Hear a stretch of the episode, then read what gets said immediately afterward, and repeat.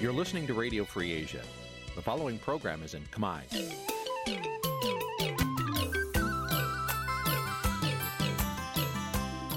Nǐ chi càm bi tiệp xáy vệt chiu a zì sáy. នេះជាកម្មវិធីផ្សាយរបស់ Vithu Azisari ជាភាសាខ្មែរ វត្តឈូអាស៊ីសេរីសូមស្វាគមន៍លោកអ្នកនាងទាំងអស់ពីរដ្ឋធានី Washington នៃសហរដ្ឋអាមេរិក។ ពីរដ្ឋធានី Washington នាងខ្ញុំម៉ៃសុធានីសូមជម្រាបសួរលោកអ្នកស្ដាប់ទាំងអស់ជាទីមេត្រីចាយើងខ្ញុំសូមជូនការផ្សាយសម្រាប់ព្រឹកថ្ងៃអាទិត្យ7កើតខែបុស្សឆ្នាំឆ្លូវត្រីស័កពុទ្ធសករាជ2565ហើយដល់ត្រូវនៅថ្ងៃទី9ខែមករាគ្រិស្តសករាជ2022ជាដំបូងនេះសូមអញ្ជើញលោកអ្នកនាងកញ្ញាស្ដាប់ព័ត៌មានប្រចាំថ្ងៃដែលមានមេត្តាដូចតទៅ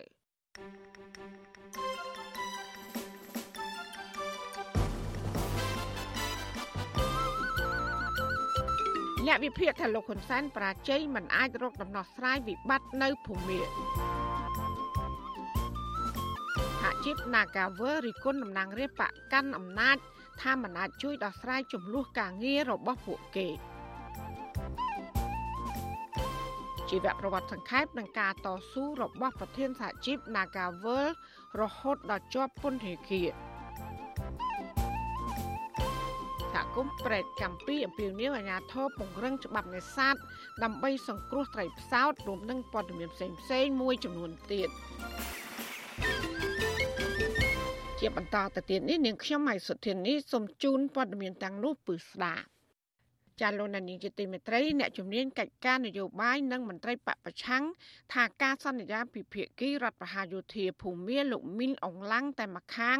គឺมันអាចដោះស្រាយនិងបញ្ចប់ចំនួននយោបាយនៅភូមាស្របតាមការចង់បានពីគ្រប់ភាគីនោះឡើយចាពួកគេលើកឡើងថាការដោះស្រាយវិបត្តិនិងឈានបញ្ចប់ចំនួននយោបាយនៅភូមា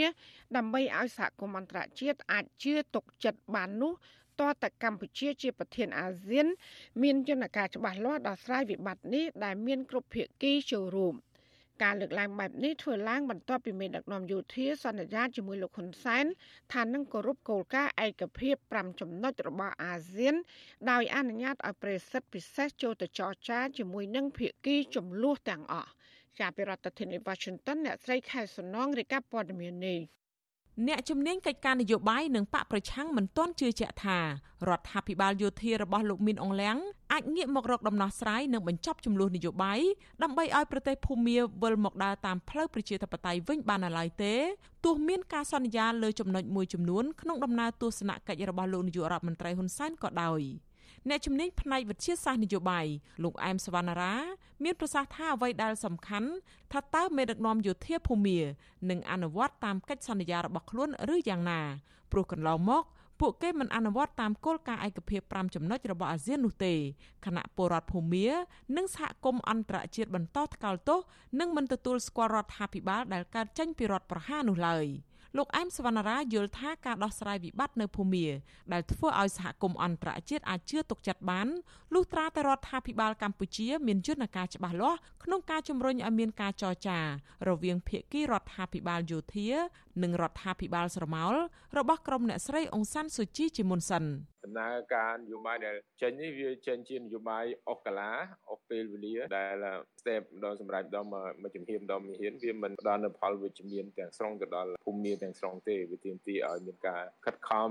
រិះរោគឬក៏ហៅថាបញ្ញាចិត្តជំរុញការចរចាឲ្យបានលឿនអានឹងខ្ញុំគិតថាវាអាចជួយកាត់បន្ថយការរងការរិះគន់ពីអន្តរជាតិបានបាទស្រដៀងគ្នានេះដែរអ្នកស្រាវជ្រាវផ្នែកភូមិសាស្ត្រនយោបាយលោកវ៉ាន់បូណាមើលឃើញថាដំណើរទស្សនកិច្ចលើកដំបូងរបស់លោកនាយករដ្ឋមន្ត្រីហ៊ុនសែនគឺជាលទ្ធផលវិជ្ជមានមួយ ដើម្បីបើកផ្លូវស្វែងរកដំណោះស្រាយវិបត្តិនយោបាយនៅភូមា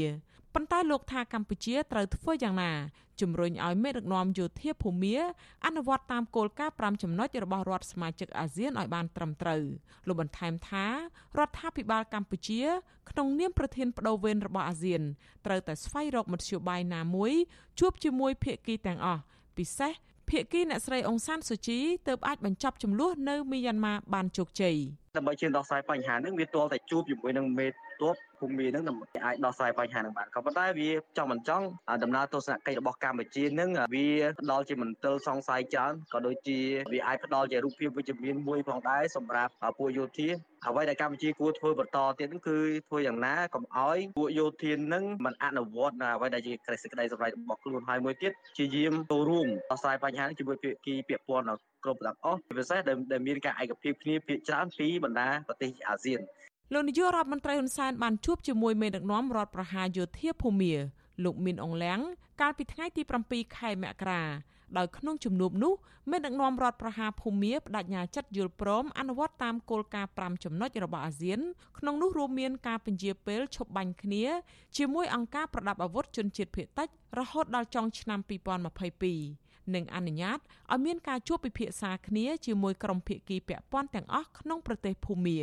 ទន្ទឹមនឹងគ្នានេះមេដឹកនាំយោធាស្វាគមន៍រដ្ឋមន្ត្រីការបរទេសកម្ពុជាលោកប្រាក់សុខុនដែលត្រូវបានតែងតាំងជាប្រេសិតពិសេសរបស់ប្រធានអាស៊ានស្ដីពីមីយ៉ាន់ម៉ានិងបានសន្យាផ្ដល់ការគាំទ្រដល់ប្រេសិតពិសេសនេះដើម្បីបំពេញតួនាទីរបស់ខ្លួនចំពោះគោលការណ៍កុងសង្ស៊ីស5ចំណុចដែលត្រូវបានដាក់ចេញក្នុងជំនួបកម្ពុជាពិសេសកាលពីថ្ងៃទី24ខែមេសាឆ្នាំ2021កន្លងទៅ។ លោកនាយករដ្ឋមន្ត្រីហ៊ុនសែនបានវិលមកដល់កម្ពុជាវិញហើយនៅថ្ងៃទី8មករារដ្ឋមន្ត្រីក្រសួងការបរទេសលោកប្រាក់សុខុនបានធ្វើសន្និសីទសារព័ត៌មានដោយបញ្ជាក់ថាមេដឹកនាំយោធាភូមាបានគ្រប់គ្រងនិងអនុញ្ញាតឲ្យប្រេសិតពិសេសអាចបំពេញតួនាទីក្នុងអាណត្តិរបស់ខ្លួនដោយមានចែងក្នុងកិច្ចព្រមព្រៀងរបស់ប្រទេសសមាជិកអាស៊ាន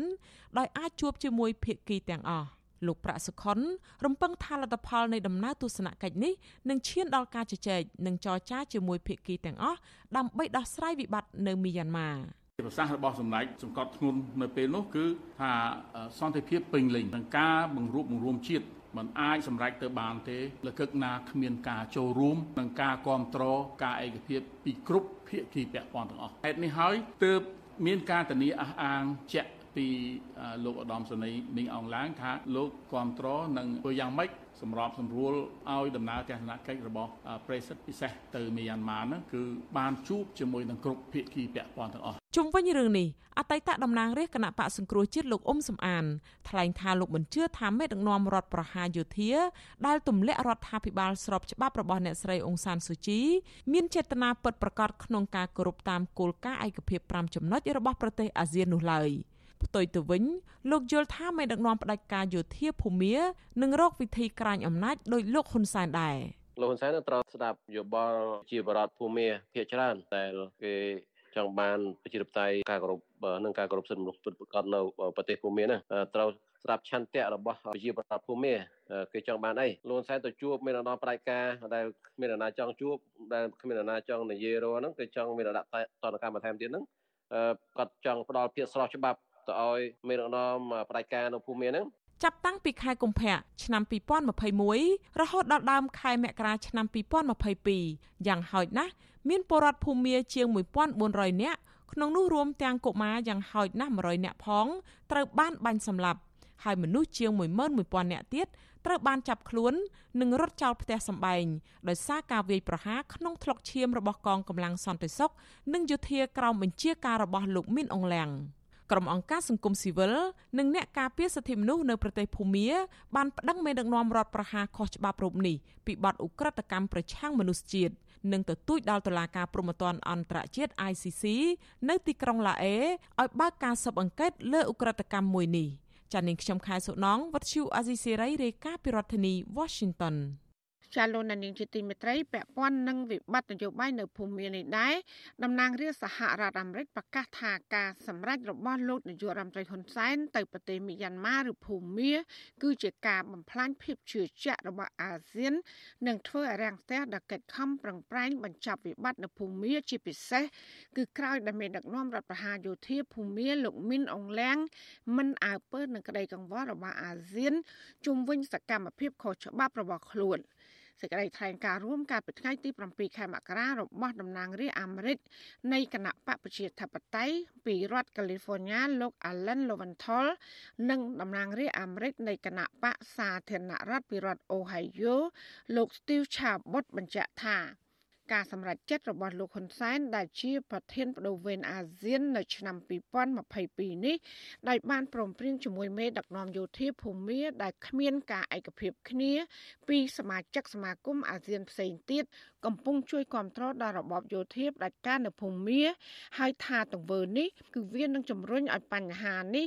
កាន់តែមានសភាពធ្ងន់ធ្ងរនិងកាត់បន្ថយលទ្ធភាព សម្រាប់សន្តិភាពយូរអង្វែងនៅក្នុងប្រទេសភូមា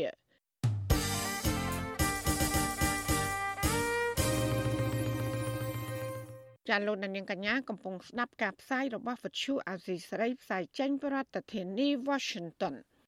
ចាអ្នកវិភាគលើកឡើងថាជំនួបលោកហ៊ុនសែននិងមេដឹកនាំយោធាមីយ៉ាន់ម៉ាឬភូមា បានបរាជ័យមិនទាន់អាចដោះស្រាយវិបត្តិនៅភូមាបាននៅឡើយទេ ដោយសារតែគ្រប់ភាគីពាក់ព័ន្ធមិនបានចូលរួមក្នុងដំណើរការនេះតើអ្វីទៅជាឧបសគ្គរារាំងមិនអាចឈានទៅរកការបញ្ចប់វិបត្តិនៅភូមានេះបាន ចាសសូមលោកអ្នកនាងកញ្ញារងចាំស្ដាប់បទសម្ភាសជាមួយនឹងអ្នកវិភាគនយោបាយលោកកឹមសុខ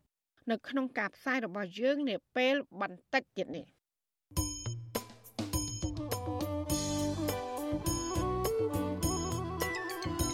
លោកនាងកញ្ញាកំពុងស្ដាប់ការផ្សាយរបស់វិទ្យុអាស៊ីស្រីផ្សាយចេញពីរដ្ឋធានី Washington ជាវិទ្យុអសីស្រីផ្សាយតាមរលកធាតុអាកាសខ្លីឬ short wave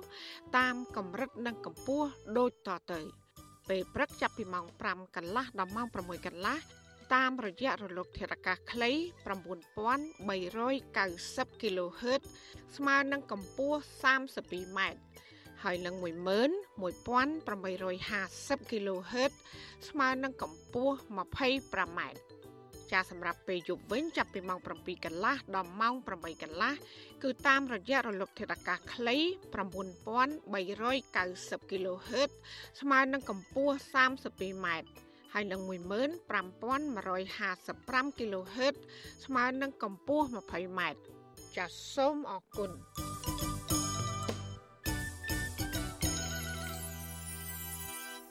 ចាលោកនាងជាទីមេត្រីរឿងដាច់ដライតាក់ទងនឹងការចាប់ខ្លួនសហជីពនៃកាស៊ីណូ Naga World ក្រុមបុគ្គលិកនិងមន្ត្រីសង្គមស៊ីវិលខកចិត្តហើយនឹងរិះគន់ក្រុមតំណាងរាស្ត្ររបស់គណៈបកប្រជាជនកម្ពុជា ដែលធ្វើមិនដឹងមិនលឺចំពោះការទៀមទាយុត្តិធម៌របស់បុគ្គលិក Naga World ជាង1000នាក់ ចាតំណាងរាជបកកណ្ដាលអំណាចឆ្លើយតបថាវិវាទការងាររវាងបុគ្គលិកនិងក្រុមហ៊ុន Nagawal គឺទុកឲ្យក្រសួងការងារជាអ្នកដោះស្រាយចំណែកតំណាងរាជគឺគ្មានសមត្ថភាពនោះឡើយកោតកម្មរបស់ក្រុមបុគ្គលិក Nagawal ជាង1000នាក់បានអស់បន្លាយពេលជាង20ថ្ងៃហើយក៏ប៉ុន្តែនៅតែគ្មានដំណោះស្រាយ។ លើពីនេះការតវ៉ាដែលធ្វើឡើងនៅជាប់អគាររដ្ឋសភា ជាកន្លែងតំណាងរាស្ត្រនិងអ្នកតាក់តែងច្បាប់សម្រាប់ប្រទេសទាំងមូលនោះក្រុមបុគ្គលិក Nagavel អះអាងថាមិនទាន់ឃើញ មានតំណាងរាស្ត្រណាម្នាក់របស់បកកណ្ដាលអំណាចចេញមុខមកស្ដាប់ទុកកង្វល់និងជួយអន្តរាគមន៍ដល់ពួកគាត់ដែលកំពុងរងគ្រោះពីការរំលោភសិទ្ធិការងារនោះឡើយបុគ្គលិកក្រុមហ៊ុន Nagavel លោកស្រីរេតធីរ៉ាថ្លែងថាពួកគាត់ខកចិត្ត ដែលអាជ្ញាធរពាក់ព័ន្ធនឹងតំណាងរាស្ត្រមិនបានជួយសម្របសម្រួលដោះស្រាយវិវាទការងារក៏ប៉ុន្តែបែរជាព្យាយាមចោទប្រកាន់លាបពណ៌និងចាប់ខ្លួនលើតំណាងរបស់កម្មករទៅវិញ។ លោកស្រីអះអាងថាកុតកម្មនេះគឺគ្មានអ្នកញុយញងពីក្រោយខ្នងដូចជាការចោតប្រកាន់នោះឡើយគឺកើតចេញពីការរំលោភសិទ្ធិនៅកន្លែងការងារហើយកុតកម្មរបស់ពួកគាត់ គឺធ្វើឡើងដោយសន្តិវិធីស្របតាមច្បាប់ និងបានជូនដំណឹងត្រឹមត្រូវដល់អាជ្ញាធរពាក់ព័ន្ធផងដែរហើយឲ្យពួកខ្ញុំឈប់ល្មិចបើអត់មានដំណោះស្រាយផងនឹងហើយចាប់តំណាងពួកខ្ញុំ ទាំង3រូបទៅទៀតបើសិនជាគាត់មានចេតនាចង់ដោះស្រាយមែនគាត់ដោះលែងតំណែងខ្ញុំវិញមកហើយហៅក្រុមហ៊ុន Nagavel ចរចាដោយសន្តិវិធី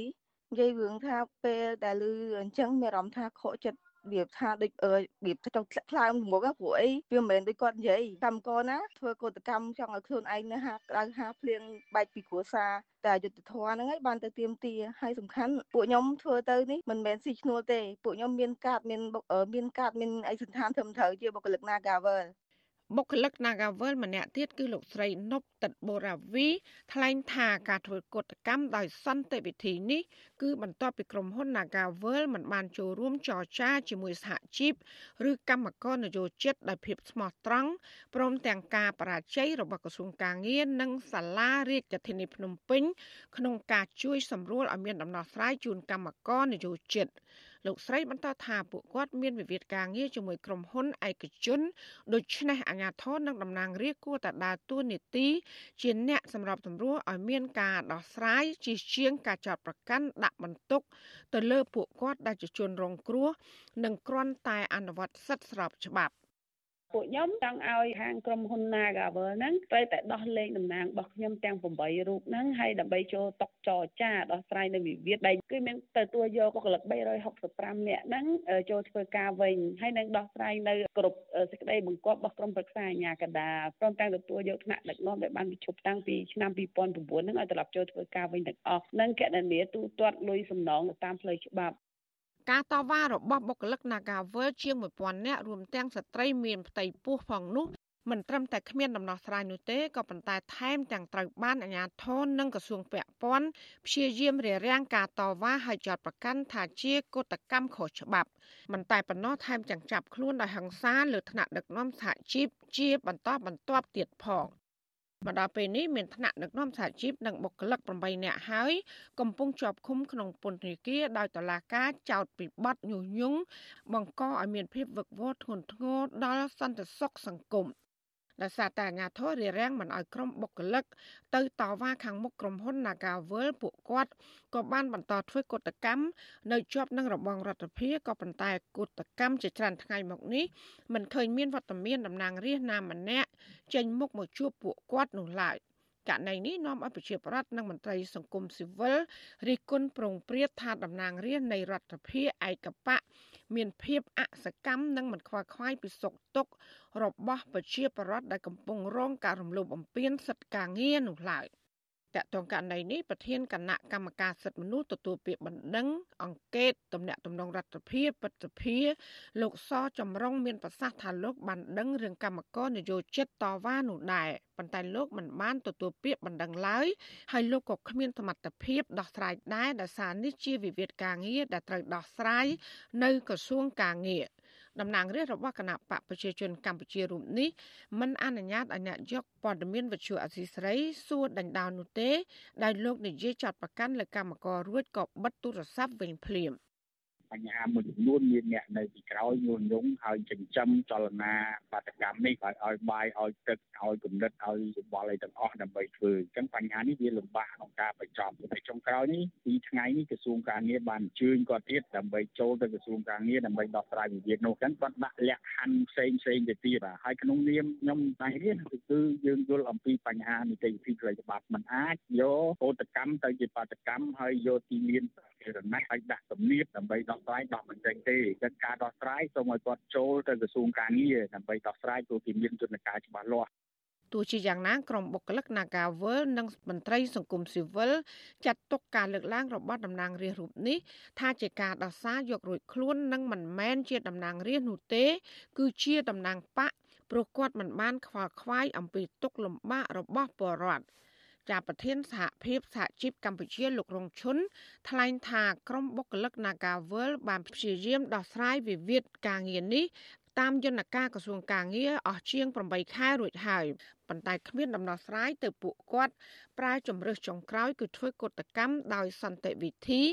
ដែលធានាដោយច្បាប់ជាតិនិងអន្តរជាតិ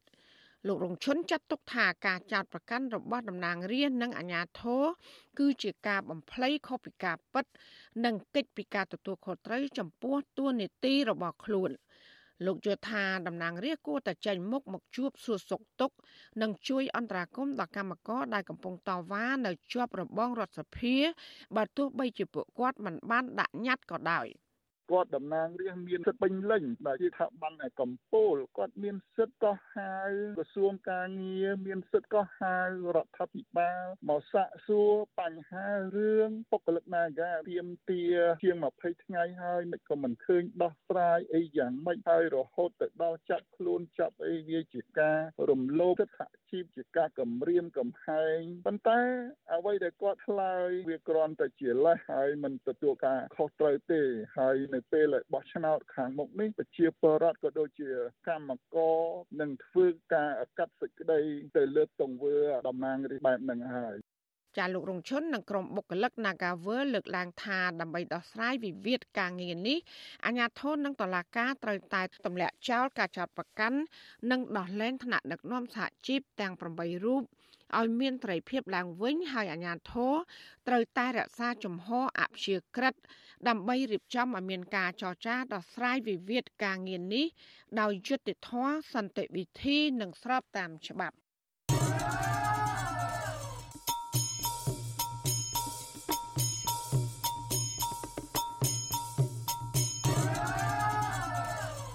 ចាលោកអ្នកត្រាប់ជាទីមេត្រីចំណែកអង្គការពលកម្មអន្តរជាតិហៅកាត់ថា ILO អំពាវនាវឲ្យលោកនាយករដ្ឋមន្ត្រីហ៊ុនសែនជួយអន្តរាគមដោះលែងថ្នាក់ដឹកនាំនិងសកម្មជនសហជីព Nagavel 8នាក់ឲ្យមានត្រីភាពឡើងវិញនិងទម្លាក់ចោលការចោទប្រកាន់ប្រឆាំងមកលើពួកគេស្របគ្នានេះក្រុមកម្មករ Nagavel នៅតែបន្តធ្វើកោតកម្ម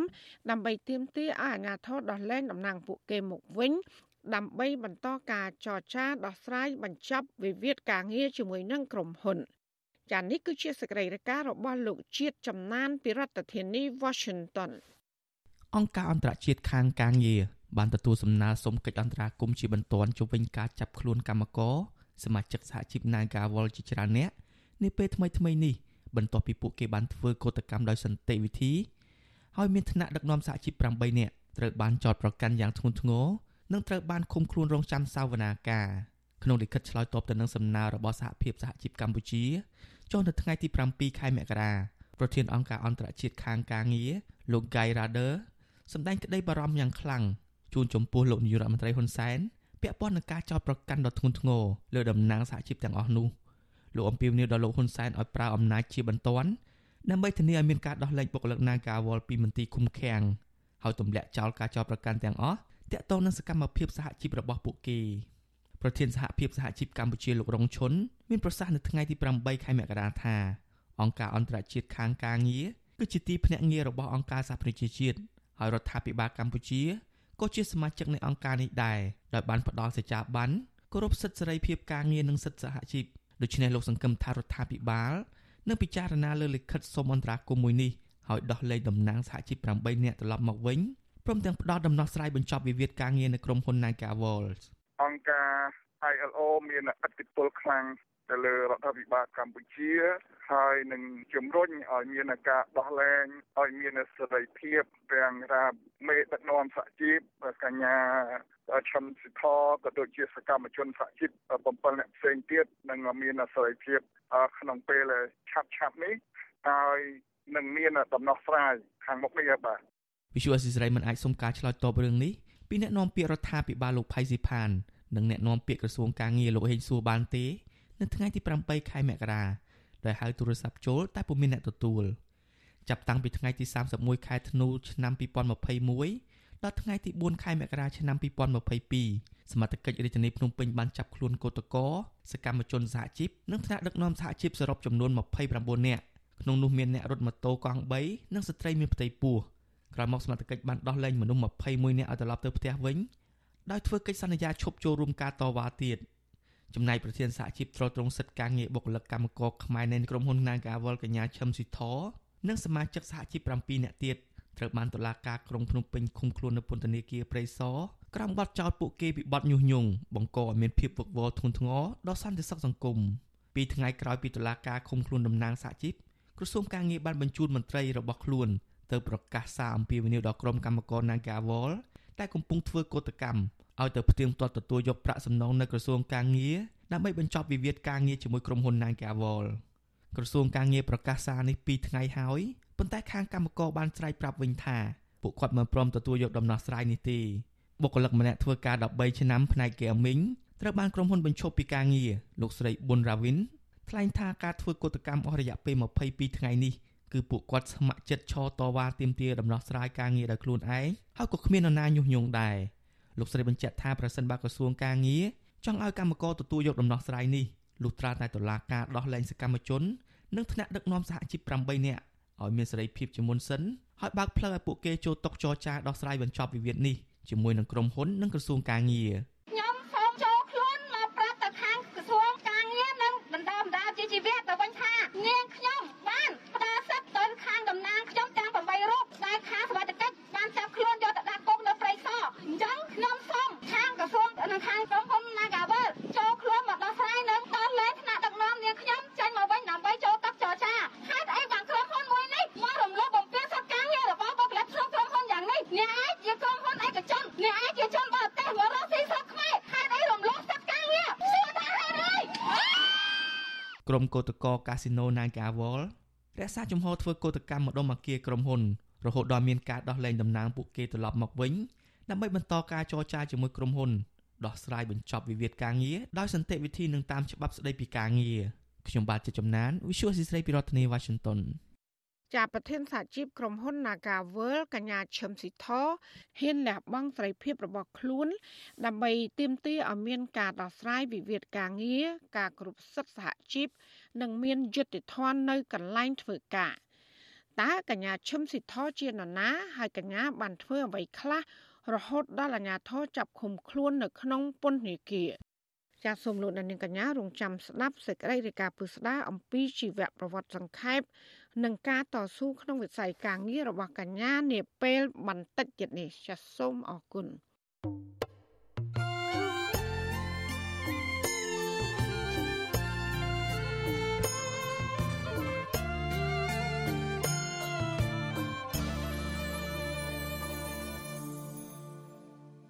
ចាលោកអ្នកស្ដាប់យុតិមេត្រីក្រមយុវជនធ្វើការងារសង្គមដែលធ្លាប់ជាប់ពន្ធនាគារក្រុងដាក់លិខិតទៅក្រសួងមហាផ្ទៃហើយនឹងអ្នកពាក់ព័ន្ធដើម្បីជំរុញឲ្យមានការកែលម្អពន្ធនាគារឡើងវិញចាអ្នកនាំពាក្យពន្ធនាគារស្វាគមន៍ចំហបែបនេះក៏ប៉ុន្តែចោតប្រកាន់អតីតអ្នកជាប់ឃុំខ្លះថានិយាយបំភ្លើសលើពីការពិតនៅក្នុងពន្ធនាគារចាប់ពីរដ្ឋធានី Washington លោកយុនសាមៀនរាយការណ៍ព័ត៌មាននេះ ក្រមយុវជនធ្វើការងារសង្គមដែលធ្លាប់ជាប់ពន្ធនាគារឲ្យដឹងថាពួកគេនឹងជួបជុំគ្នាក្នុងពេលឆាប់ឆាប់នេះដើម្បីធ្វើលិខិតរួមគ្នាដាក់ទៅក្រសួងមហាផ្ទៃនិងស្ថានទូតមួយចំនួនដើម្បីជំរុញឲ្យមានការកែលម្អពន្ធនាគារឡើងវិញសមាជិកយុវជនខ្មែរថាវរៈកញ្ញាសូមេតាដែលធ្លាប់ជាប់ពន្ធនាគារព្រៃសរផ្នែកស្ត្រីមក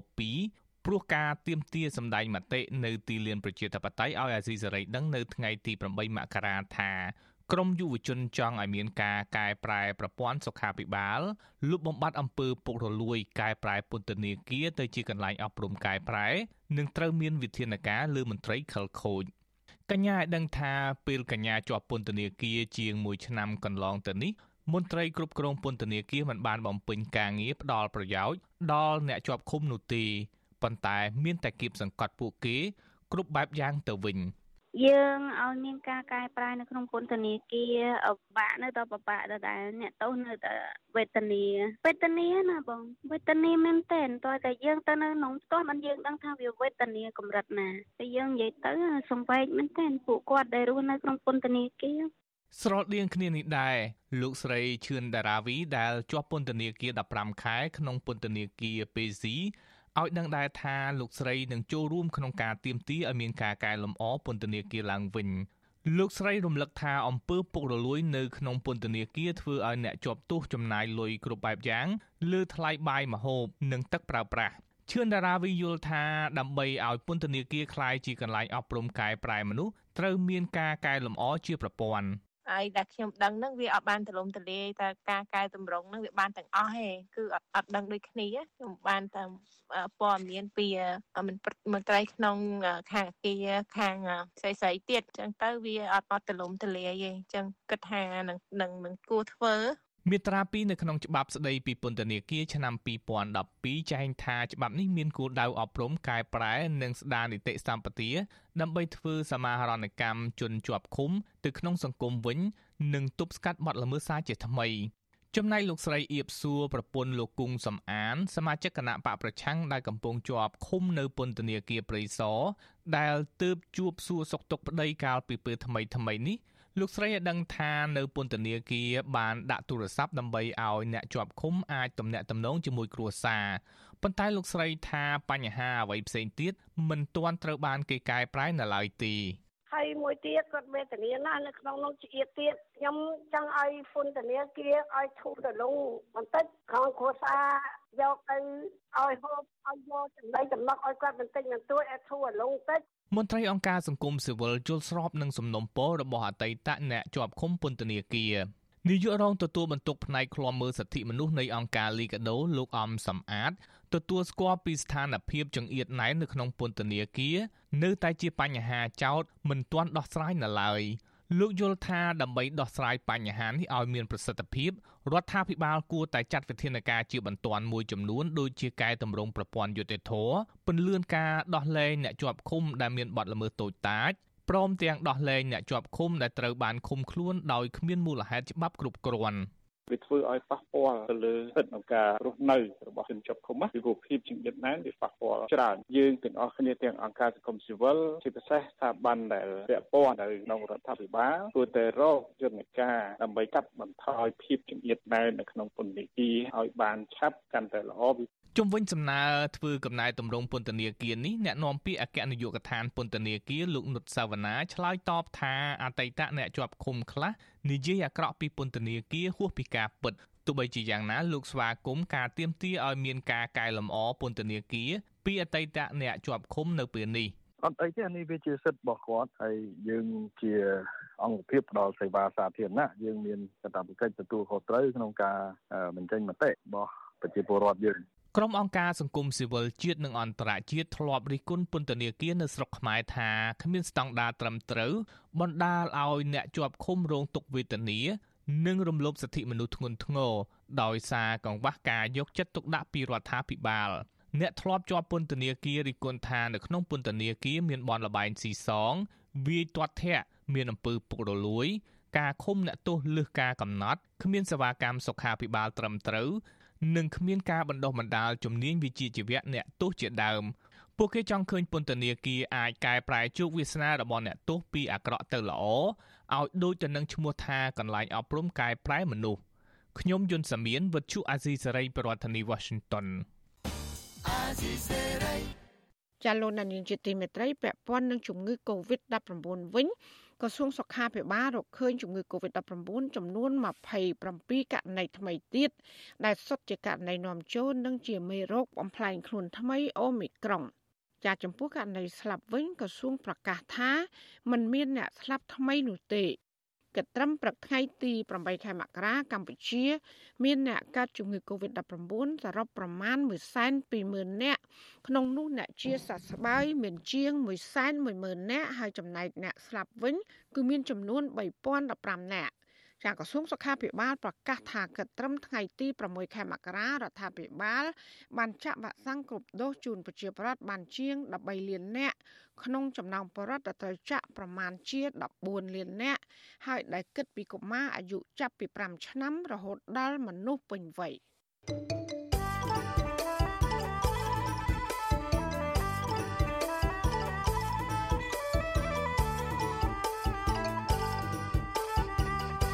ចាលោកអ្នកស្ដាប់ទទីមេត្រីសัตว์ផ្សោតមួយក្បាលត្រូវបានគេប្រទះឃើញងាប់នៅលើឆ្នេរខ្សាច់ភូមិក្បាលកោះសង្កាត់កោះទ្រង់ក្រុងក្រចេះកាលពីថ្ងៃទី8ខែមករាដោយមិនទាន់បានដឹងពីមូលហេតុមន្ត្រីជំនាញរដ្ឋបាលជលផលនិងមន្ត្រីអង្គការមូលនិធិសកលសម្រាប់អភិរក្សធនធានធម្មជាតិទទួលបន្ទុកអភិរក្សសត្វផ្សោតនៅមិនទាន់ដឹង ថាតើសត្វផ្សោតងាប់នេះបណ្ដាលមកពីជាប់មងដោយសារឆក់ ឬក៏ងាប់ដោយសារអស់អាយុកាលនោះទេជាពជាសហគមន៍អភិរក្សសត្វផ្សោតប្រែកកម្មពីខេត្តកោះចេះបង្ហាញក្តីបារម្ភនិងសោកស្ដាយចំពោះការបាត់បង់ត្រីផ្សោត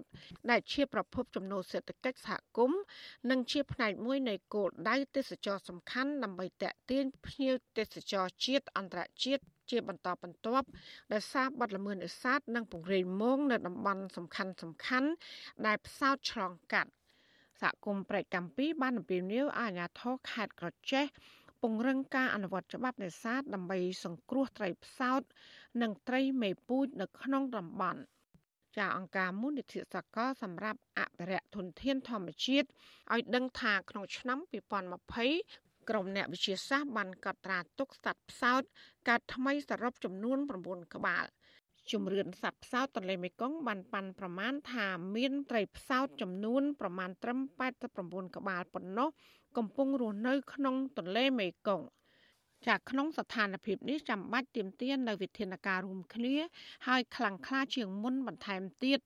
ដើម្បីការពារសត្វផ្សោតទឹកសាប ដែលមានសារៈសំខាន់ជាសកលទាំងនេះឲ្យជៀសផុតពីការឈានទៅផុតពូជ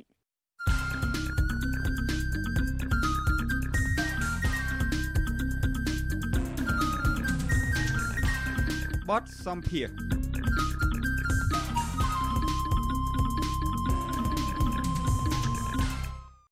ចាលោកនាងជាទីមេត្រីអ្នកវិភាគសង្គមនិងនយោបាយលោកកឹមសុខមើលឃើញថាលទ្ធផលនៃដំណើរទស្សនកិច្ចរបស់លោកនាយករដ្ឋមន្ត្រីហ៊ុនសែនទៅចាប់ដៃមេដឹកនាំរដ្ឋប្រហារយោធាភូមាគឺលោកមីនអងឡាំងនោះពុំមានផលប្រយោជន៍អ្វីសម្រាប់កម្ពុជានិងប្រជាជនភូមានោះឡើយ គឺគ្រាន់តែជាការលេងល្បែងនយោបាយបំផន់ភ្នែកសាធារណជនប៉ុណ្ណោះលោកថាជំនួបនេះគឺជាការរួមគ្នាពង្រឹងអំណាចនៃមេដឹកនាំប្រទេសទាំងពីរដើម្បីបានជាគ្នាកុំឲ្យរងាហើយដែលនេះពុំមែនជាការខិតខំប្រឹងប្រែងដើម្បីរកដំណោះស្រាយបញ្ចប់វិបត្តិនយោបាយនិងស្វែងរកសន្តិភាពពិតប្រាកដនោះឡើយចាសសូមលោកដានៀងស្ដាប់បទសម្ភាសន៍របស់លោកសេកបណ្ឌិតជាមួយនឹងលោកកឹមសុខជំវិញបញ្ហានេះដូចតទៅ លោកកឹមសុខគឺថាមានមតិពីរផ្ទុយគ្នាមកខាងអ្នកអ្នកដែលតាមដានបញ្ហាសង្គមតាក់ទងនឹងដំណើរទស្សនកិច្ចរបស់លោកនាយករដ្ឋមន្ត្រីហ៊ុនសែននៅទៅកាន់ភូមិមាននោះគឺថាមានលទ្ធផលគួរឲ្យកត់សម្គាល់ហើយអ្នកខ្លះថាលទ្ធផលនេះវាហួសពីការរំពឹងទុកទៅទៀតនោះតើនេះជាលទ្ធផលគួរឲ្យកត់សម្គាល់និងហួសពីការរំពឹងទុកឬមួយក៏យ៉ាងម៉េចដែរបាទខ្ញុំអានសេចក្តីប្រកាសព័ត៌មានរួមនឹងទៅ មើលមិនឃើញអត្ថន័យថាមានអង្គលៀងគោរពតាមគោលការណ៍កងសង្ស៊ី5ចំណុចរបស់អាស៊ានទេក៏ប៉ុន្តែវាផ្ទុយពីគោលការណ៍5ចំណុចរបស់អាស៊ាននឹងទៅវិញហើយខ្ញុំក៏សម្គាល់ថាលោកហ៊ុនសែនទៅជានាំគ្នាទៅស្ដាប់នៅរបាយការណ៍របស់មីនអ៊ុងលៀងដែលជាមេរដ្ឋប្រហារទៅវិញហើយមីនអ៊ុងលៀងមិនបានសន្យាជាដុំកំភួនអ្វីទាំងអស់អ្វីដែលលោកហ៊ុនសែន បានឆ្លើយតបទៅមីនអ៊ុងលៀងគ្រាន់តែយល់ស្របតាមការរាយការណ៍របស់មីនអ៊ុងលៀងដែលជាមេរដ្ឋប្រហាររឿងពីរធំដែលគួរកត់សម្គាល់រឿងធំមួយគឺពាក្យថាបត់ឈប់បាញ់រឿងធំមួយទៀតគឺពាក្យថាផ្ដល់ជំនួយទៅឲ្យភូមិឥឡូវយើងវិភាគលើរឿងធំមួយបត់ឈប់បាញ់តើមានចំណុចត្រង់ណានៅក្នុងសេចក្តីប្រកាសរួម នៃព័ត៌មានរវាងមានអ៊ុងលៀងហើយនិងហ៊ុនសែននេះកំណត់នៅសេណារីយ៉ូឬយន្តការនៃការបញ្ចប់នៅបទឈប់បាញ់នេះអត់មានទាល់តែសោះគ្រាន់តែជាការរាយការណ៍សន្យាចោលរបស់មានអ៊ុងលៀងតែប៉ុណ្ណោះតើគួរជឿទុកចិត្តបានទេអត់បានទេពីព្រោះមានអ៊ុងលៀងបានសន្យាធ្វើតាមគោលការណ៍កងសង្ស៊ី5ចំណុចរបស់អាស៊ានតាំងពីខែមេសានោះប៉ុន្តែការសម្លាប់ប្រជាពលរដ្ឋភូមិមាននៅតែបន្ត បើនិយាយឲ្យចំពាក្យដែលថាបត់ឈប់បាញ់ដែលមីតអ៊ុងលៀងក្តីដែលលោកហ៊ុនសែនបាននិយាយក្តីវាគ្រាន់តែជាភាសានយោបាយបកប្រាស់និយាយយកឲ្យតែពីរោះក្នុងគោលដៅដើម្បីកាត់បន្ថយការតវ៉ារបស់ប្រជាពលរដ្ឋភូមិហើយទីបំផុតទៅណាក្រោមពាក្យថាបត់ជប់បាញ់នេះទំនងជាប្រជាពលរដ្ឋភូមិត្រូវគេបាញ់សម្លាប់ដដែលជាដដែលពីព្រោះអត់មានយន្តការក្នុងការទប់ស្កាត់ ហើយមកដល់ពេលនេះប្រមាណជាង1400នាក់ហើយត្រូវបានគេបាញ់សម្លាប់ហើយចាប់ដាក់គុកនឹងជាង10000នាក់ឯណោះចំណុចមួយទៀតដែលជាចំណុចធំបំផុតគឺការផ្ដល់ជំនួយទៅប្រទេសភូមាផ្ដល់ជំនួយទៅប្រទេសភូមាបើខ្ញុំមើលតាម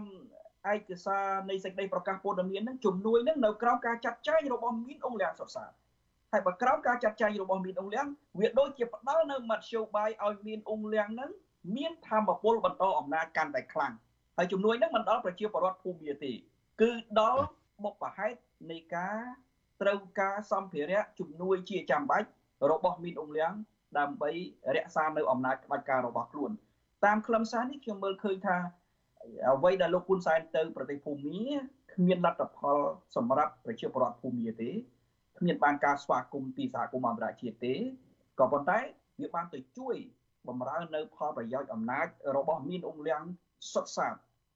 ពាក់ព័ន្ធនឹងចំណុចមួយទៀតលោកនាយករដ្ឋមន្ត្រីហ៊ុនសែននៅក្នុងអំឡុងពេលលោកកំពុងមានទស្សនកិច្ចនៅក្នុងប្រទេសមីយ៉ាន់ម៉ានោះលោកបានផ្ដល់អនុសាសន៍ទៅដល់មេដឹកនាំយោធាភូមិលោកមីងអ៊ុងលៀងថាការចរចាណាមួយការដែលប្រមូលបាននូវសន្តិភាពពិតប្រាកដណាមួយនោះតលតែមានការចូលរួមពីគ្រប់ភាគីពាក់ព័ន្ធទាំងអស់ ចំណុចនេះហាក់បីដូចជាល្អប្រសើរណាស់ហាក់ដូចជាលោកយល់អំពីការស្វែងរកសន្តិភាពពិតប្រាកដក៏ប៉ុន្តែបើឆ្លោះមកស្ថានភាពនៅក្នុងប្រទេសកម្ពុជាវិញមានអ្នកលើកឡើងថាទ្រឹស្ដីនេះហាក់បីដូចជាគង្គក់លក់ថ្នាំស្រែអញ្ចឹងលោកនាយករដ្ឋមន្ត្រីហ៊ុនសែនគួរតែយកអនុសាសន៍ដែលឲ្យទៅភូមិនោះមកដោះស្រាយបញ្ហាផ្ទៃក្នុងនៅកម្ពុជាឲ្យដូចអ្វីដែលលោកលើកឡើងមកនេះតើចំណុចនេះលោកគឹមសុខយល់ឃើញយ៉ាងណាដែរបាទពាក្យថាគ្រប់ភាគីដែលលោកហ៊ុនសែនចង់និយាយហើយមានអង្គលៀងចង់និយាយដែរ ខ្ញុំគិតថាគាត់គ្រាន់តែសំដៅទៅលើភាគីប្រដាប់អាវុធនៅប្រទេសភូមាគឺថាឲ្យភាគីប្រដាប់អាវុធនានាទម្លាក់អាវុធហើយស្ដាប់តាមការចាត់ចែងរបស់មីនអ៊ុងលៀងដែលជាមេរដ្ឋប្រហារមូលហេតុសំខាន់គឺថាកាលណាភាគីទាំងអស់ទម្លាក់អាវុធស្ដាប់តាមការចាត់ចែងរបស់មេរដ្ឋប្រហារយោធាគឺពួកមេរដ្ឋប្រហារយោធានឹងមានអំណាចដូចដែលលោកហ៊ុនសែនធ្វើនៅប្រទេសកម្ពុជាអញ្ចឹងមេយោធាមានអំណាច ពេលដែលប្រជាពលរដ្ឋតវ៉ាគឺចោតប្រជាពលរដ្ឋថាអ៊ូទៀមដោយលោកហ៊ុនសែនធ្វើនៅប្រទេសកម្ពុជាអញ្ចឹងដែរដូច្នេះហើយខ្ញុំមើលឃើញថាអ្វីដែលជាការឆ្លើយតបរបស់លោកហ៊ុនសែនចំពោះប្រទេសភូមាគឺជាការឆ្លើយតបក្នុងការពង្រឹងអំណាចយោធាទៅវិញទេដើម្បីបានគ្នាកុំឲ្យរងាមិនមែនជាការដោះស្រាយបញ្ហាវិបត្តិនៅភូមាទេ បាទលោកកឹមសុខមួយចំណុចទៀតការដែលលោកនាយករដ្ឋមន្ត្រីហ៊ុនសែនមិនបានទៅជួបចរចាឬមួយក៏ពិភាក្សាជាមួយនឹងមេដឹកនាំសំខាន់នៅក្នុងគណៈបកប្រឆាំងឬមួយក៏ធ្លាប់ជាគណៈបកឈ្នះឆ្នោតដឹកនាំប្រទេសនោះតើនេះជាការបរាជ័យធំបំផុតនៅក្នុងដំណើរទស្សនកិច្ចដែរទេបាទប៉ុន្តែគឺជាបរាជ័យដ៏ធំពីព្រោះការដោះស្រាយវិបត្តិគឺត្រូវជួបគ្រប់ភាគី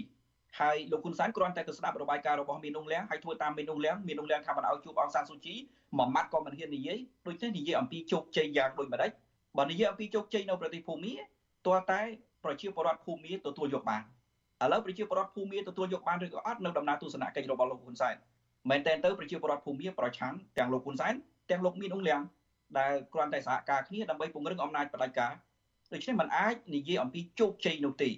ហើយបើនិយាយអំពីជោគជ័យវាទាល់តែលោកហ៊ុនសែននេះធ្វើតាមនៅគោលការណ៍ដែលអាស៊ានបានដាក់ចុះ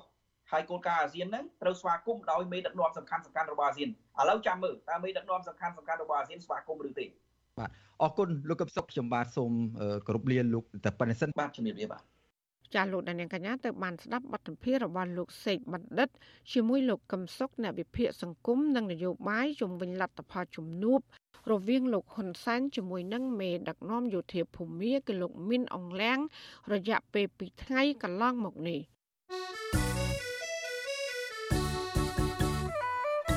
ចាលោកនាងជាទីមេត្រីក្នុងឱកាសនេះដែរនាងខ្ញុំសូមថ្លែងអំណរគុណដល់លោកនាងកញ្ញាដែលតែងតែមានភក្ដីភាពចំពោះការផ្សាយរបស់យើង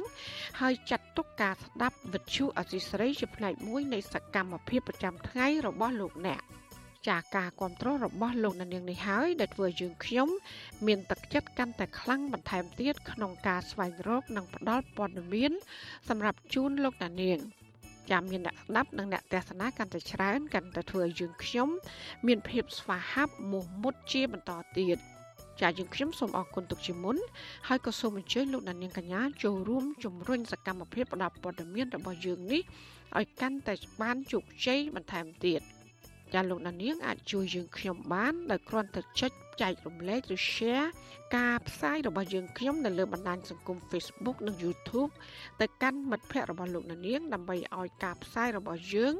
បានទៅដល់មនុស្សកាន់តែច្រើនចាសសូមអរគុណ ចាលោកណានីងជាទីមេត្រីប្រធានសហជីពក្រុមហ៊ុន Naga World ជាស្ត្រីវ័យក្មេងកញ្ញាឈឹមស៊ីធហ៊ានលះបង់ស្រីភាពរបស់ខ្លួន រហូតជាប់ពន្ធនាគារដោយបានទាមទារឲ្យមានការដោះស្រាយវិវាទការងារការគ្រប់សិទ្ធិសហជីពនិងមានយុត្តិធម៌នៅកន្លែងធ្វើការ ចាកញ្ញាមានទឹកចិត្តមមុតហ៊ានដឹកនាំគតកោទៀមទារោគដំណោះស្រាយការងាររហូតដល់អាជ្ញាធរចាប់ខ្លួនពីបទញុយញងបង្កភាពវឹកវរដល់សន្តិសុខសង្គម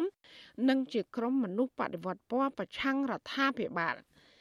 តើកញ្ញាឈឹមស៊ីធជានរណាហើយកញ្ញាបានធ្វើអ្វីខ្លះ ចាប់ពីរដ្ឋធានី Washington អ្នកស្រីខែសំណងមានសេចក្តីរាយការណ៍ពឹស្ដាពីប្រវត្តិសង្ខេបនិងការតស៊ូក្នុងវិស័យការងាររបស់កញ្ញាឈឹមស៊ីធដូចតទៅចាំកូនយកចិត្តគេឲ្យយកទៅធោះអត់គោរពច្បាប់ទូទាត់មិនត្រឹមត្រូវហើយហើយតែតែនិយាយថាខ្លួនឯងគោរពច្បាប់គោរពច្បាប់អីគេច្បាប់តែនិយាយគឺត្រូវយកច្បាប់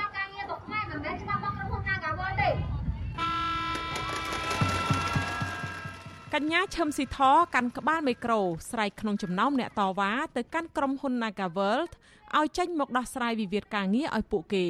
រូបរាងតូចល្អិតសម្បុរសកញ្ញាឈឹមស៊ីធ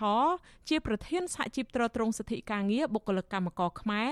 នៃក្រុមហ៊ុន Nagaworld នាងបានតាំងចិត្តរួមសុខទុក្ខទាមទារដំណោះស្រាយការងារជាមួយកោតក្ររាប់ពាន់នាក់ទៅបង្ហាញមុខនៅកន្លែងធ្វើកោតកម្ម គ្រាដែលថ្នាក់ដឹកនាំសហជីពនិងសហការីជាច្រើនអ្នកត្រូវបានអាជ្ញាធរចាប់ខ្លួនជាបន្តបន្ទាប់បើទោះបីជានាងដឹងមុនថាអាជ្ញាធរប្រកាសស្វែងរកមុខនិងចាប់ខ្លួនក្តីទីបំផុតទៅ កាលពីថ្ងៃទី4ខែមករានាងត្រូវបានអាជ្ញាធរស្លៀកពាក់ស៊ីវិលជាច្រើន មានមៀតធំធំឡោមព័ទ្ធចាប់ខ្លួនភ្លាមភ្លាមនៅពេលនាងចុះពីរថយន្តដើរចូលទៅក្នុងវងកោតកោ ទាមទារឲ្យក្រុមហ៊ុន Naga World ដោះស្រាយវិវាទការងារយកថ្នាក់ដឹកនាំសហជីពរួមទាំងបុគ្គលិកចំនួន365នាក់ចូលធ្វើការវិញ និងបញ្ឈប់ការរើសអើងសហជីព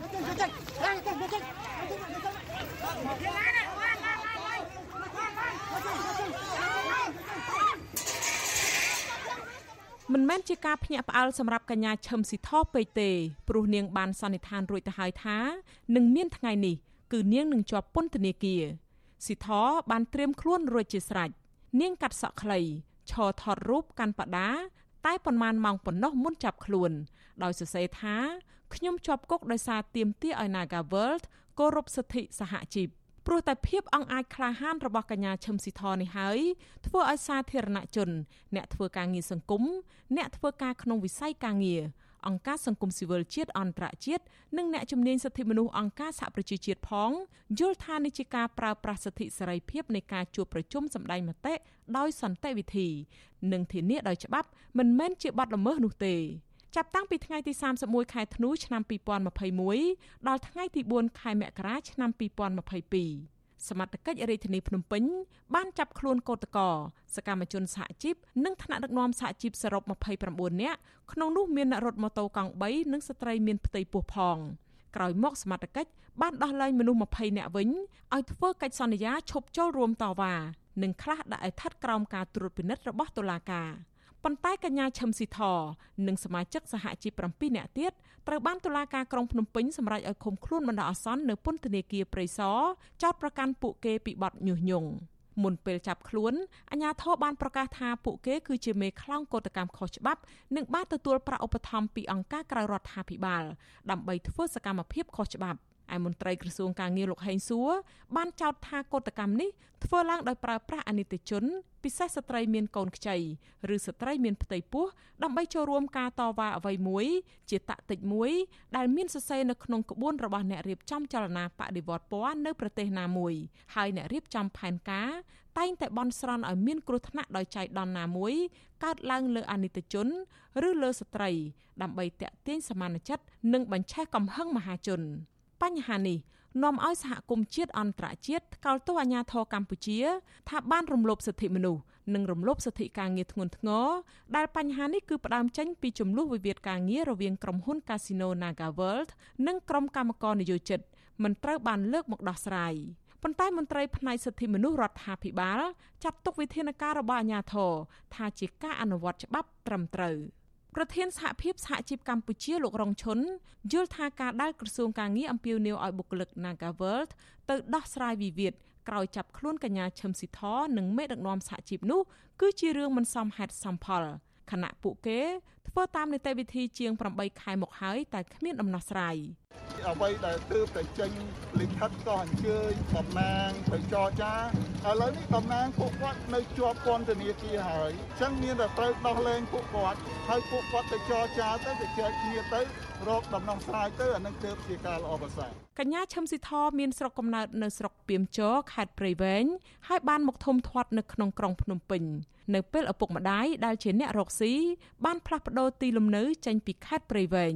ស៊ីធធ្លាប់ជាសិស្សក្នុងថ្នាក់រៀនពូកែផ្នែកគណិតវិទ្យានៅវិទ្យាល័យព្រះស៊ីសុវត្ថិនាងបានអាហារូបករណ៍ផ្នែកសេដ្ឋកិច្ចនិងព័ត៌មានវិទ្យានៅសាកលវិទ្យាល័យភូមិន្ទនីតិសាស្ត្រនិងវិទ្យាសាស្ត្រសេដ្ឋកិច្ច នាងចេះភាសាអង់គ្លេសនិងចិនយ៉ាងស្ទាត់ជំនាញនិងចេះភាសាថៃអាចទំនាក់ទំនងបានកញ្ញាឈឹមស៊ីធបានប្រឡូកការងារសហជីពដោយចាប់ផ្ដើមជាសមាជិកធម្មតានៅក្នុងឆ្នាំ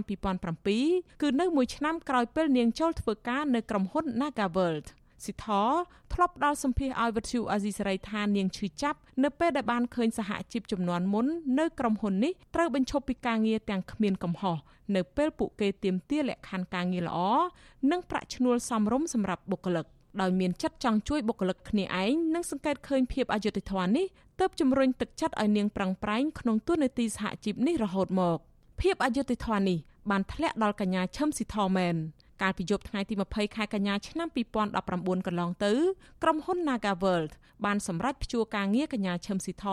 ដែលកាលនោះនាងបានតាមសួរនាំហេតុផលរឿងសន្តិសុខក្រុមហ៊ុនឆៃកាបូបបុគ្គលិកម្នាក់ហើយបានឃើញនឹងដកហូតអាវយឺតដែលមានសរសេរថាក្រុមហ៊ុនរីចម្រើនបុគ្គលិកត្រូវការប្រាក់ខែរស់នៅសមរម្យក្រុមហ៊ុនចោទថាកញ្ញាគឺជាមេខ្លោងនាំបុគ្គលិកពាក់អាវយឺតធ្វើយុទ្ធនាការទាមទារប្រាក់ឈ្នួល ក្រោយក្រសួងការងារផ្សះផ្សាជាមួយតំណាងក្រុមហ៊ុននិងតំណាងសហជីពក្រុមហ៊ុននេះមិនបានទទួលយកកញ្ញាឈឹមស៊ីធឲ្យចូលធ្វើការវិញឡើយ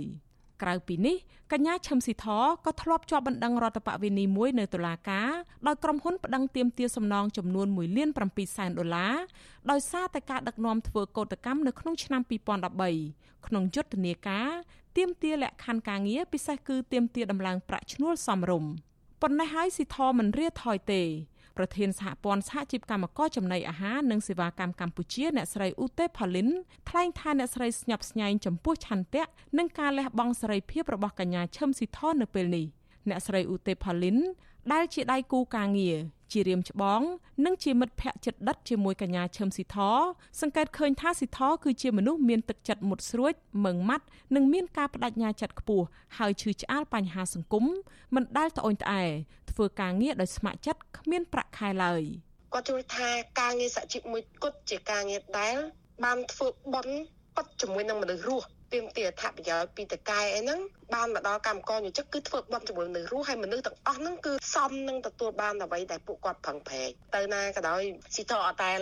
បំភ្លេចចោលនៅនិយាយពីរឿងការងារសង្គមឯទោះបីយើងគិតថាអូឥឡូវពេលជាពេល holiday យើងអត់ចង់និយាយរឿងការងារណាដែលតែធ្វើយើងតានតឹងផ្លូវអារម្មណ៍ផ្លូវចិត្តទេណា ប៉ុន្តែស៊ីធតែងតែនិយាយរហូតទៅចែកគ្នារហូតទៅលើរឿងកន្លែងណាដែលយើងទៅដល់ខេត្តណាទៅដល់កន្លែងណាគឺយើងតែងតែមើលឃើញអំពីទុកលំបាករបស់ប្រជាពលរដ្ឋទូទៅដោយសារតែអយុត្តិធម៌សង្គមដែលធ្វើឲ្យក្មេងៗបាត់បង់ការសិក្សាដែលធ្វើឲ្យមនុស្សជាច្រើនគេងនៅតាមផ្លូវ ហើយធ្វើឲ្យភាពអយុត្តិធម៌ដែលកើតឡើងនៅក្នុងសង្គមនោះដោយសារតែគាត់មើលឃើញថាប្រជាពលរដ្ឋអត់មានអំណាចហើយយកមករួចមករស់រៀងរៀងខ្លួនអញ្ចឹងបានជាគាត់យល់ឃើញថាការដែលធ្វើការងារសហជីពនេះជារឿងមួយដែលយើងទាំងអស់គ្នាគួរតែដើមគ្នាធ្វើរីឯបងប្រុសកញ្ញាឈឹមស៊ីធគឺលោកឈឹមយាកអះអាងថាលោកជាអ្នកផ្គត់ផ្គង់ឲ្យស៊ីធបានរៀនសូត្ររហូតមកក្នុងចំណោមសមាជិកក្នុងគ្រួសារស៊ីធបានរៀនសូត្រខ្ពង់ខ្ពស់ហើយនាងមានភាពអំណត់ជាងគេ លោកថាស៊ីធអាយុ35ឆ្នាំហើយនាងមិនដែលនឹកភ្នែកចង់បានរកគូស្រករឡើយនាងស្រឡាញ់តែការងារសង្គមរហូតដល់ជាប់ពន្ធនាគារប៉ុន្តែលោកមានមោទនភាពចំពោះប្អូនស្រីដែលជាមនុស្សស្រឡាញ់ភាពត្រឹមត្រូវនិងយុត្តិធម៌ខ្ញុំសប្បាយចិត្តមួយដែលគាត់ហ៊ានលះបង់សម្រាប់ក្រុមការងាររបស់គាត់គាត់ស្រឡាញ់មុខលឹករបស់គាត់ក្រុមការងាររបស់គាត់ដែលគាត់ខំតស៊ូមតិដើម្បីឆ្នាំងបាយក្រុមហ៊ុនរបស់គាត់ទេ ហើយក៏ខ្ញុំមានមោទនភាពដែរដែលបងអូនគាត់តស៊ូមតិសម្រាប់តែកន្លែងការងាររបស់គាត់ហើយទៅជាបំបែគាត់ទៅជារឿងផ្សេងអានេះខ្ញុំអត់សូវសប្បាយចិត្ត Nagavel ជាក្រុមហ៊ុនដែលស្ថិតនៅក្នុងចំណោមក្រុមហ៊ុនលំដាប់ពិភពលោកដែលរកប្រាក់ចំណេញបានច្រើនបំផុតក្រុមហ៊ុននេះមានមណ្ឌលកំសាន្តសន្តាគារនិងកាស៊ីណូឬបនលបែងដែលទទួលបានអាជ្ញាប័ណ្ណរកស៊ីរយៈពេល70ឆ្នាំនៅកម្ពុជា នៅក្នុងសារឆ្លងឆ្លើយជាអក្សរតាមទូរស័ព្ទដែលបែកធ្លាយកាលពីឆ្នាំ2017បង្ហាញថាម្ចាស់កាស៊ីណូ Naga World មានទំនាក់ទំនងជាមួយភរិយានិងកូនរបស់លោកនាយករដ្ឋមន្ត្រីហ៊ុនសែន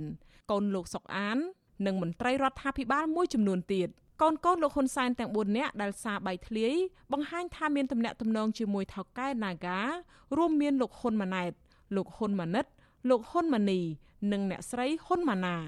នៅក្នុងប្រវត្តិនៃការទៀមទារបស់សហជីពនៅក្នុងក្រុមហ៊ុនដ៏មានអធិបុលនេះថ្នាក់ដឹកនាំសហជីពតែងតែរងការធ្វើទុកបុកម្នេញដោយការព្យួរការងារជាប់បណ្ដឹងតុលាការនិងចុងក្រោយគឺបណ្ដឹងចេញពីការងារករណីនេះស៊ីថធ្លាប់បានអះអាងថា នាងបានត្រៀមខ្លួនទុកជាមុនរួចហើយថា នាងនឹងជួបរឿងរ៉ាវទាំងនេះនៅពេលដែលសេរីភាពសហជីពនៅកម្ពុជាមិនត្រូវបានធានាឲ្យពេញលេញនៅឡើយ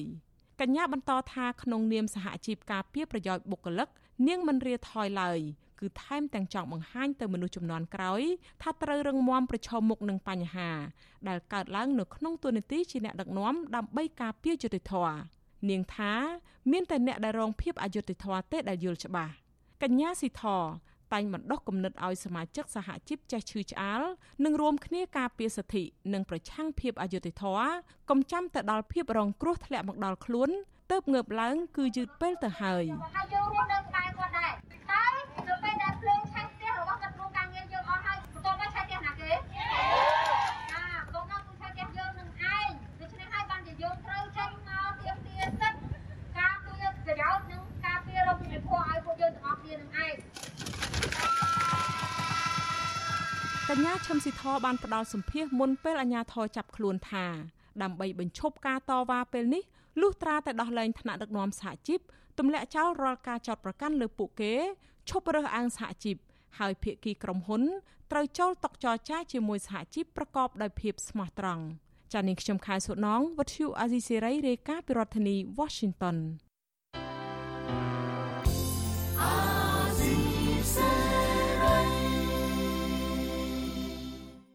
ចាជាបន្តទៅទៀតនេះនាងខ្ញុំម៉ៃសុធានីសូមជូនព័ត៌មានបញ្ចប់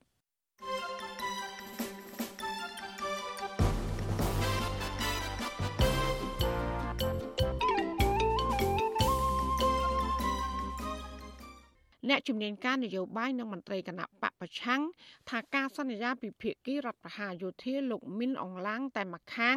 គឺมันអាចដោះស្រាយនិងបញ្ចប់ចំនួននយោបាយនៅប្រទេសភូមាស្របតាមការចង់បាន ពីគ្រប់ភាគីនោះឡើយ។ ពួកគេក៏បានលើកឡើងថាការដោះស្រាយវិបត្តិនិងឈានបញ្ចប់ចំនួននយោបាយនៅភូមាដើម្បីឲ្យសហគមន៍អន្តរជាតិអាចជឿទុកចិត្តបាននោះទាល់តែកម្ពុជាដែលជាប្រធានអាស៊ាន មានយន្តការច្បាស់លាស់ដោះស្រាយវិបត្តិនេះដែលមានគ្រប់ភាគីចូលរួម ចាពាក់ព័ន្ធនឹងវិបត្តិនយោបាយនៅភូមិមាននេះដែរតំណាងរាស្ត្រសហរដ្ឋអាមេរិកប្រកាសថាការសម្រេចរបស់លោកនាយករដ្ឋមន្ត្រីហ៊ុនសែនទៅប្រទេសមីយ៉ាន់ម៉ាឬភូមាគឺជាការបំផ្លាញភាពជឿជាក់របស់អាស៊ាន និងធ្វើឲ្យរាំងទះដល់កិច្ចខំប្រឹងប្រែងបញ្ចប់វិបត្តិនៅភូមាជាពិសេសក្រោយពីមេដឹកនាំរដ្ឋប្រហារយោធាភូមាលោកមីនអងឡាំងមិនអើពើនឹងក្តីកង្វល់របស់អាស៊ានជុំវិញសកម្មភាពខុសច្បាប់របស់ខ្លួន។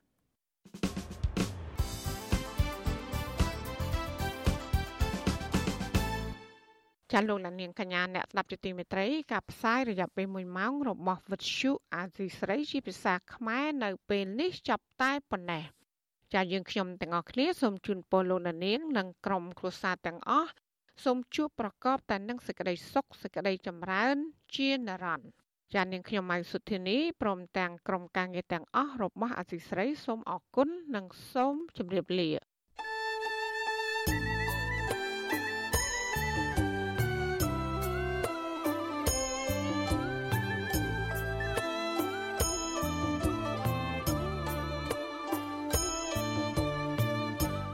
ទ្យុអេស៊ីសេរីផ្សាយតាមរលក ធាតុអាកាសខ្លី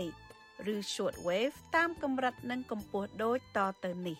ពេលព្រឹកចាប់ពីម៉ោង5កន្លះដល់ម៉ោង6កន្លះតាមរយៈរលកធាតុអាកាសខ្លី9390 kHz ស្មើនឹងកម្ពស់ 32ម៉ែត្រនិង11850 kHz ស្មើនឹងកម្ពស់ 25m ពេលយប់ចាប់ពីម៉ោង7កន្លះដល់ម៉ោង8កន្លះតាមរយៈរលកធាតុអាកាសខ្លី 9390 kHz ស្មើនឹងកម្ពស់ 32m និង15155 kHz ស្មើនឹងកម្ពស់ 20m លោកអ្នកនាងក៏អាចស្ដាប់ការផ្សាយផ្ទាល់តាមប្រព័ន្ធអ៊ីនធឺណិតដោយចូលទៅកាន់គេហទំព័រ www.rfa.org/ ខ្មែរក្រៅពីនេះ